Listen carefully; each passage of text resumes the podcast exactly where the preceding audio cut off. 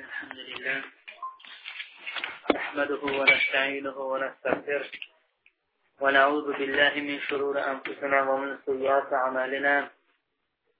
من يهده الله فلا مضل له ومن يضلل فلا هادي له. وأشهد أن لا إله إلا الله وحده لا شريك له. وأشهد أن محمدا عبده ورسوله. رب اشرح لي صدري ويسر لي أمري واحلل عقدة من lisani yafqahu qawli. Amma ba'd. İlk olaraq özümə və sizə Allahdan qorxmağı tövsiyə edirəm. Müsəlman gərək Allahdan qorxsun, ona ibadət eləsin və onun qadağan buyurduğu şeylərdən çəkinsin. Kim ki, Allahdan üz döndərib, asilik edərsə, Allah subhanət hələ ona həm bu dünyada, həm də ki, ahirətdə cəzasını verir. Allah Teala Quran-ı Kərimdə buyurur ki: "Və men a'rada an zikri fe inne lehu ma'işeten danka və nahşuruhu yawmal qiyamati a'ma." Bir kim mənim zikrimdən üz döndərərsə, onun güzaranı sıxıntılı olacaq. Və biz qiyamət günü onu kör olaraq həşr edəcəyik. Fikir verin, Allah subhanət nə buyurur? Kim ki, Allahdan uzaqlaşarsa, Allah subhanət onun güzaranlığını, günlərini bu dünyada ikən sıxıntılı etməyə başlayır. Yəni, özü də insan hiss eləyir, imanı zəiflədikdə necə sıxılır və yaxud da İslama girib, İslamdan çıxdıqdan sonra fikir verirsiniz, insanlar necə sıxıntı keçirirlər. Bunun şahidi olmusunuz. Allah subhanət ona görə o cürə insanlara bu dünyada ikən sıxıntılı bir həyat verir. Allahdan uzaqlaşdıqlarına görə. Və qiyamət günü onları nə gözləyir? Allah Teala buyurur ki: "Və nahşuruhu yawmal qiyamati a'ma." Və qiyamət günü də biz onları kör olaraq həşr edəcəyik. Onlar deyəcəklər ki, axı biz görürdük. Niyə görə bizi kör, eləyir, e, kör olaraq həşr eləyirsən? Allah subhanət hələ buyuracaq ki, siz doğrudan da kör idiniz. Haqqı görə bilmirdiniz. Ona görə insan gərək qəlb gözü ilə baxsın. Allahdan istəyirəm ki, bizim qəlb gözümüzü kör eləməsin. Haqqı daima görə bilək. İnsan nə keçdiyi illəri, nə keçirdiyi ayları, nə həftəni, nə saatı, nə də dəqiqəni, nə də belə saniyəni qaytara bilər. Hətta bir saniyə, bir ləhza ötüb keçsisə, o artıq geri qayıtmayacaq. Və hamı da bilir ki, bu vaxt keçdikcə sən ölümə yaxınlaşırsan. Qaçış yeri yoxdur. Hamı öləcək. Və öldükdən sonra Allahı lazımınca zikr eləməyən kimsələr böyük peşmançılıq çəkəcəkdir. Allah Subhanahu Quran-ı Kərimdə onların halını dəfələrlə bizə misal olaraq çəkir. Çəkir ki, biz bu ayələrdən ibrət alaq və qiyamət günü o şəxslərdən olmayaq. Allahdan istəyirəm ki, bizi o cür şəxslərdən olanlardan eləməsin. Allah Subhanahu Quran-ı Kərimdə buyurur ki: "Yəqulu ya leytəni qaddamtu li həyati" deyəcəklər. Kaş axirət həyatım üçün əvvəlcədən hazırlıq görərdim. O gün peşman olacaq. Bu dünyada ikən boşa verdiyi günlərinə görə peşman olur. Ancaq nə fayda? Bu dünyaya qayıtmağını istəyəcəkdir. Allahdan. Ancaq qayıdış yoxdur. Başqa bir ayədə Allah Subhanahu onların halını vəsf edərək buyurur ki: "Yevme yu'addu zalimu ala yedey Yəqul ya leytən ittəxəztu ma'ar rasuli səbilə." Yə leytəni ləm əttəxiz fulanən xəlilə. Görün, Allah subhanət onların halını necə vəsf edir. Buyurur ki, həmin gün zalım kimsə barmaqlarını dişləyərək deyəcəkdir. İnsanın başına bir iş gəldikdə, peşman olduqda barmağını dişləyir. Ancaq Allah subhanətə görün, onların halını necə vəsf edir. Barmağını demir, barmaqlarını dişləyəcəkdir. Nə deyəcək? Dişləyərək deyəcəkdir ki, kaş ki mən Peyğəmbərin yolunu tutub gedərdim. Vay halıma. Özü də bilir ki, əzab onu gözləyir. Allahın əzabı onu gözləyir. Bir vay halıma. Kaş ki, filan kəsləri özümə dost tutmayaydım. Kaş ki, filan kəsləri özümə dost tutmayaydım. Ona görə insan bu ayədən ibrət alsın. Pis dostlardan uzaqlaşsın ki, bu ayədə olanlardan olmasın.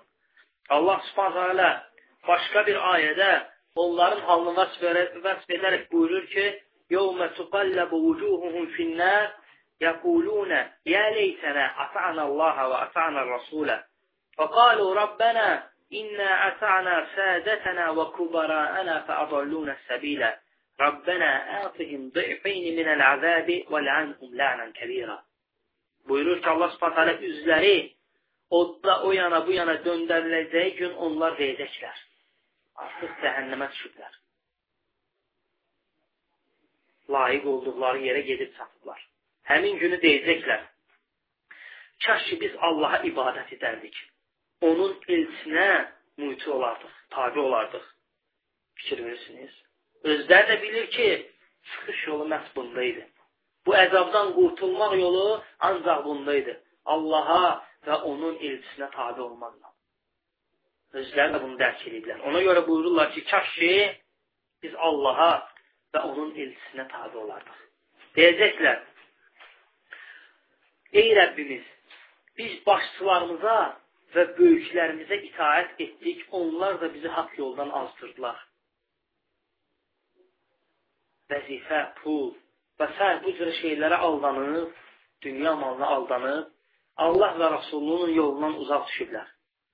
Ona görə də cəhənnəmə gedib düşüblər. Görün sonra nə dedilər? Ey Rəbbimiz, onları iki qat əzaba sal və onları müthiş bir lənətə məruz qoy.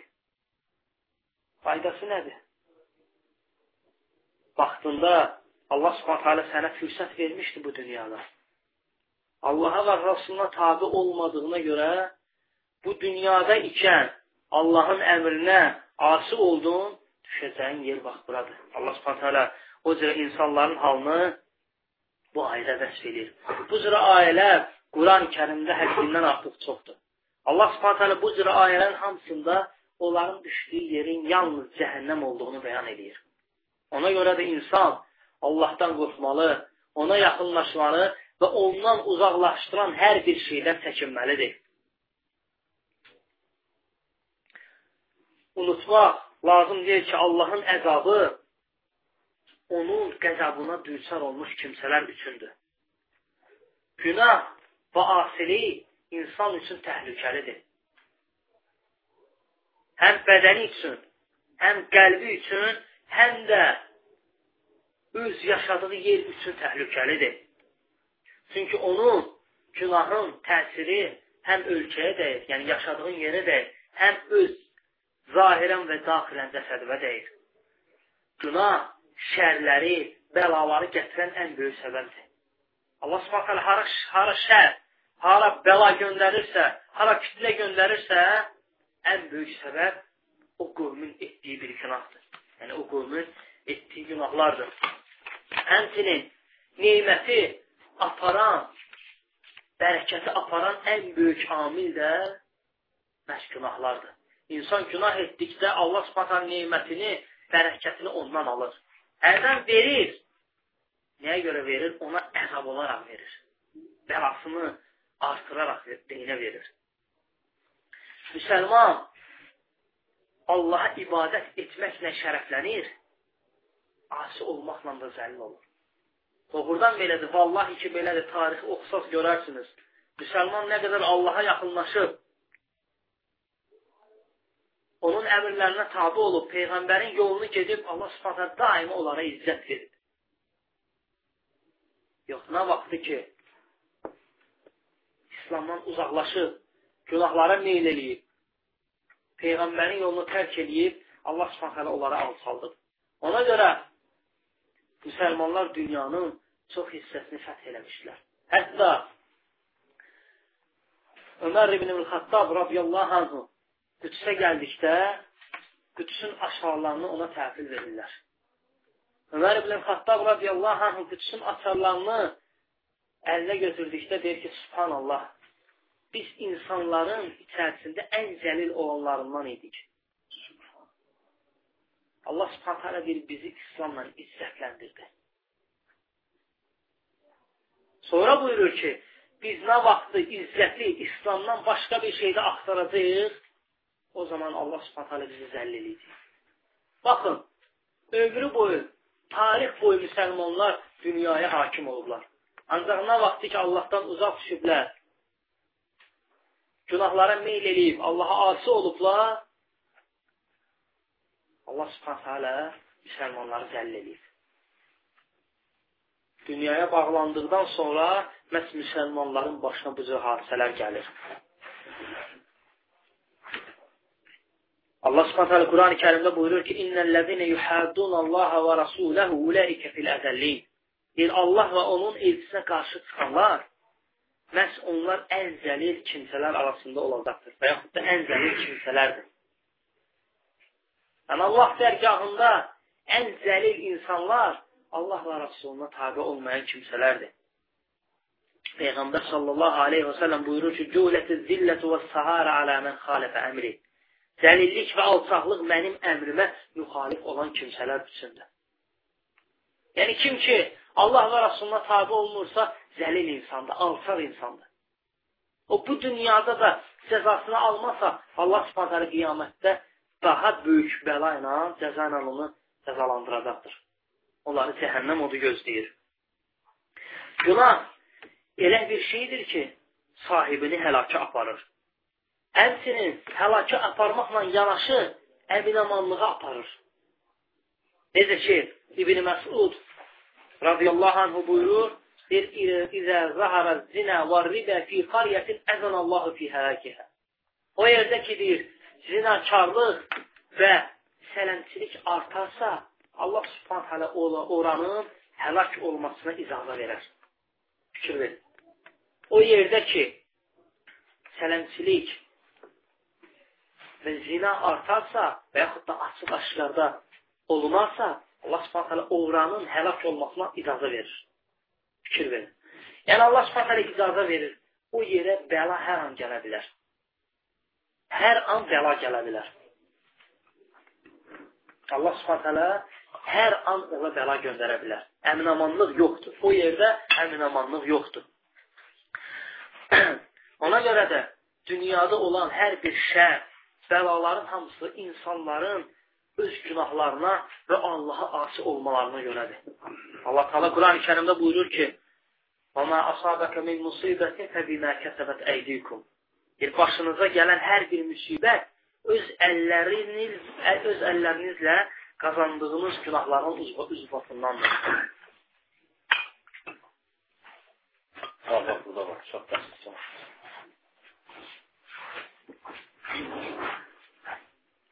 Allah subhanətə hərdən insanlara rəhm eləyir, günahları gecikdirir. Çox günahların bəlasını gecikdirir. Yəni, günah eləyirsən, Allah subhanətə çox günahıva görə sənə bəla göndərmir. Çox günahıva görə sənə bəla göndərmir. Elə də olur ki, bəla göndərir, ancaq gec göndərir. İnsan da həmin günahın, həmin bəlanın o günahdan olmasını unudur. Ona görə Allah subhanə rəhmətidir ki, bəlanı gecikdirir, tövbə eləyin. Vaxtdan istifadə eləyin. Allah subhanə fürsət verir. Kim ki, günah eləyirsə, tövbə eləsin. Çünki tövbə eləməsə, gec-tez ona bəla gələcək, həmin o günahına görə. Bu dünyada da gəlməsə, ahirətdə onu şiddətli bəla gözləyir. Ola bilər, rəhm eləsin. Ancaq Allahın rəhmətinə ümid eləmək lazım lazımdır.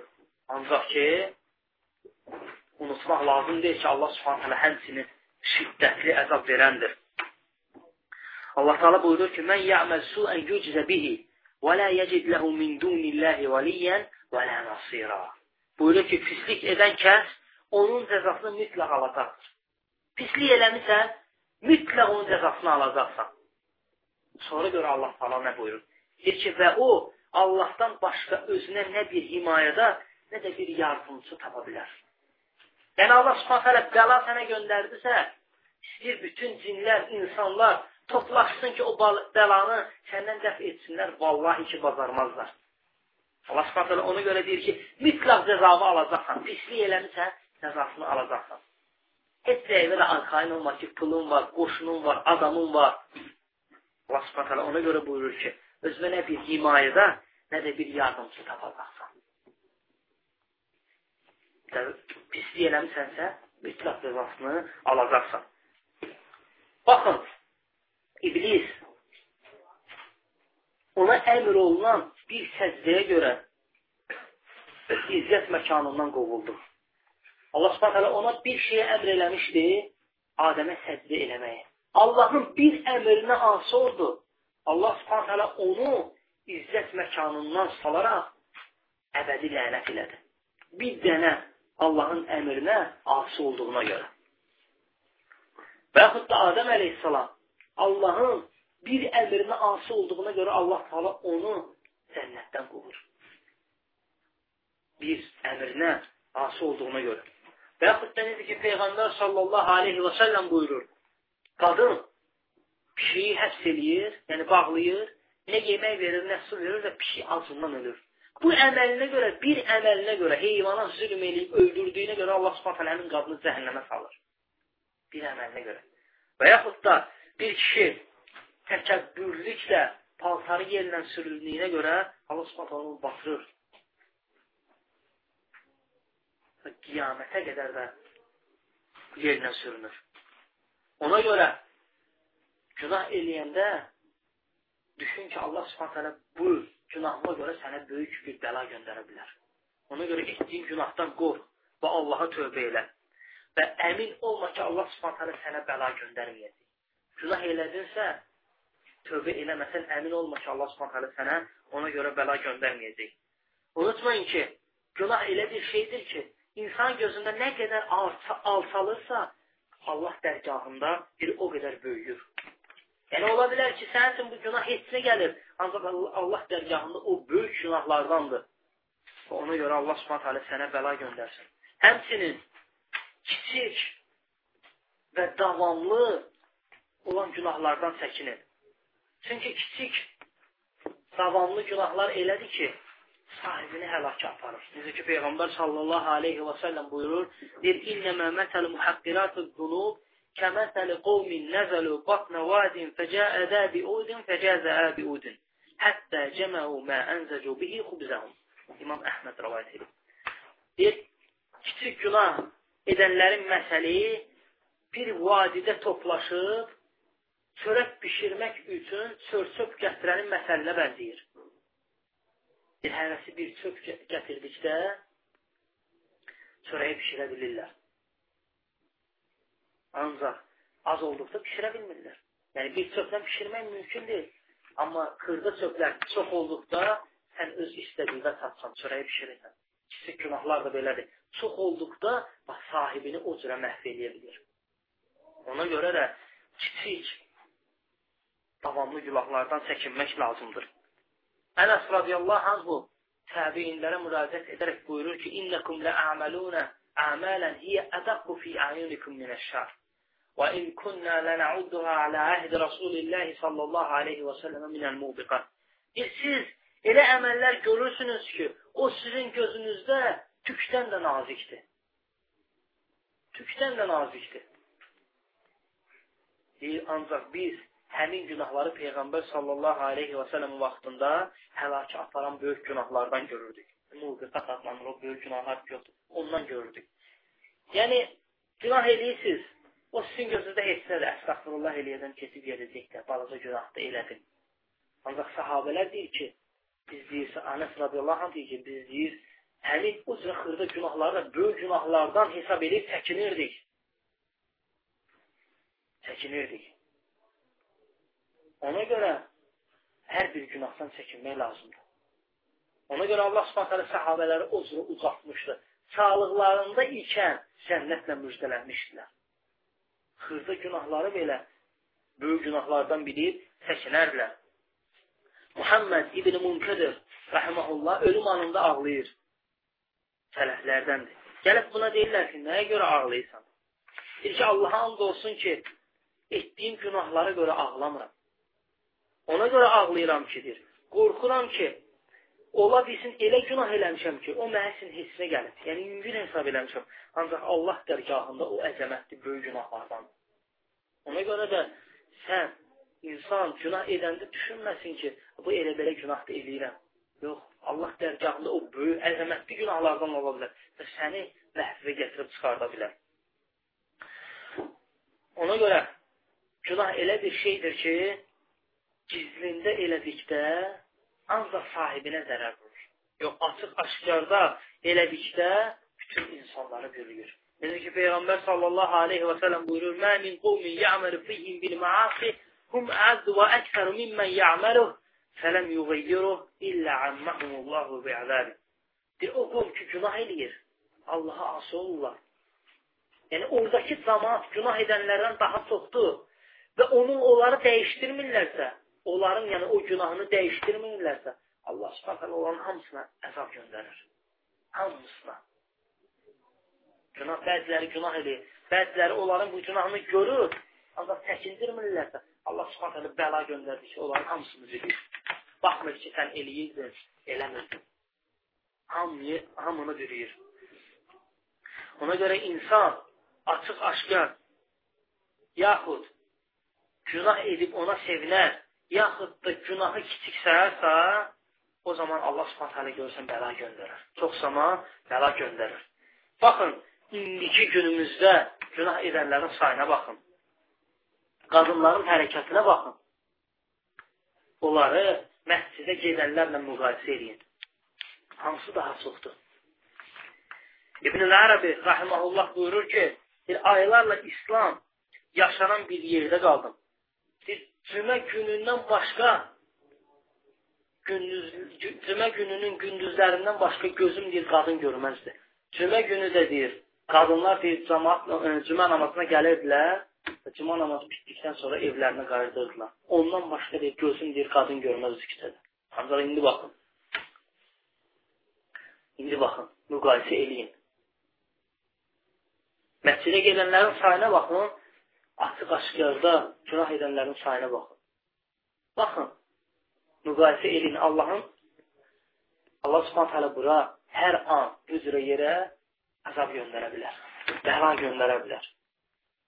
İbn Qeyyim rəhməhullah buyurur ki, açıq-aşkarda günah edənlər barədə İbn Qeyyim rəhməhullah buyurur ki, insanların bunu etdiyi günah bağışlanmayan günahlardandır.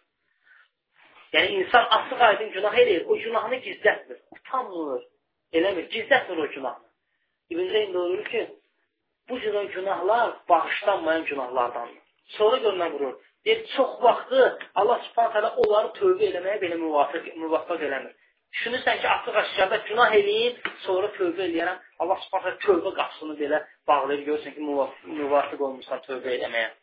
Peyğəmbər sallallahu aleyhi və sələm buyurur ki, Kullu ümmeti muafə illəl mücahirun. Bir bütün ümmətin bağışlanacaqdır açıq aşkarda günah edənlərdən başqa. Sən açıq aşkarda günah edirsənsə, bu günahına görə bağışlanma yoxdur. Başqa səni bağışlamayacaq.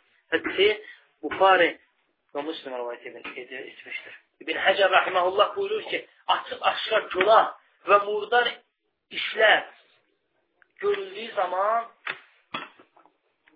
hamının məhv olmasına işarədir. Baxın, harada ki, açıq-aşkar və yaxud da murdar işlər, açıq-aşkar, yəni harada ki, gördünüz ki, günah və murdar işlər açıq-aşkarda görülürsə, o qovmun məhv olmasına işarədir. Yəni Allah Subhanahu ora hər zaman bəla göndərə bilər. Allah Subhanahu buyurur ki: "Və kəm qasamna min qaryatin kanat zalimə və enşa'na ba'daha qauman axarin." Biz zalım olan neçə-neçə məmləkətləri məhv eləmişik. Sonra başqa xallar yaratmışıq. Baxın, subhanallah. Allah subhanallah günah elədiklərinə görə neçə-neçə tayfaları yer üzündən silib. Oxumusunuz, Quran kərim doludur. Bu cürə qovumləri misal çəkir bizə. Əhəz, Səmud. Nə qədərdir. Hamısı bizə misal çəkir. Allah subhanallah günah etdiklərinə görə nəinki onları yer üzündən silib. Yer üzündən silib. İbn Teymiyyə rahimehullah buyurur ki, çox insanlar elə zənn edirlər ki, haram işlər gördükdə ancaq istiğfar diləmək lazımdır. Lakin vacibləri belə tərk edirsənsə, ona görə də deyir, tövbə eləmək lazımdır. Çox insanlar görürsən ki, vacibi tərk edir, bu ona adi şey gəlir. Ancaq günah etdikdə Allahdan bağışlanma dedi. Yox, vacibi tərk etdikdə də sən günah qazanırsan və buna görə də tövbə eləmək lazımdır. Kim ki, ibadət və tövbə eləməyə tələsmirsə, artıq o gecikir. Yəni, hər an sən tələsmirsənsə, gecikənlərdən sayılsan. Ona görə, nə qədər ki, Allah subhanə bu nəfəsi sənə verib, gedir, gəlir, tövbə elə. Allahdan uzaq düşməz və Rəbbivə ibadət elə. Günah elə bir şeydir ki, təsiri nəinki insanlara, hətta ağaclara və heyvanlara belə dəyir. Peyğəmbər sallallahu aleyhi və sələm buyurur ki, İnnəl abdəl fəcrə izə mət, istərahə minhul ibədə vəl bilədə və şəcər və dəvab. Bir həqiqətən pis insan öldükdə qullar, ölkələr, ağaclar və heyvanlar ondan belə dincələr. Hətta rəvayət belə gəlir ki, Allah subhanələ yağışı, yəni öz rəhmətini göndərmir. Yağışa da ən çox heyvanların ehtiyacı var. Yəni insanlarla yanaşı heyvanların da çox ehtiyacı var heyvanlar, günah edən insanlar üçün belə lənət deyir. Lənət.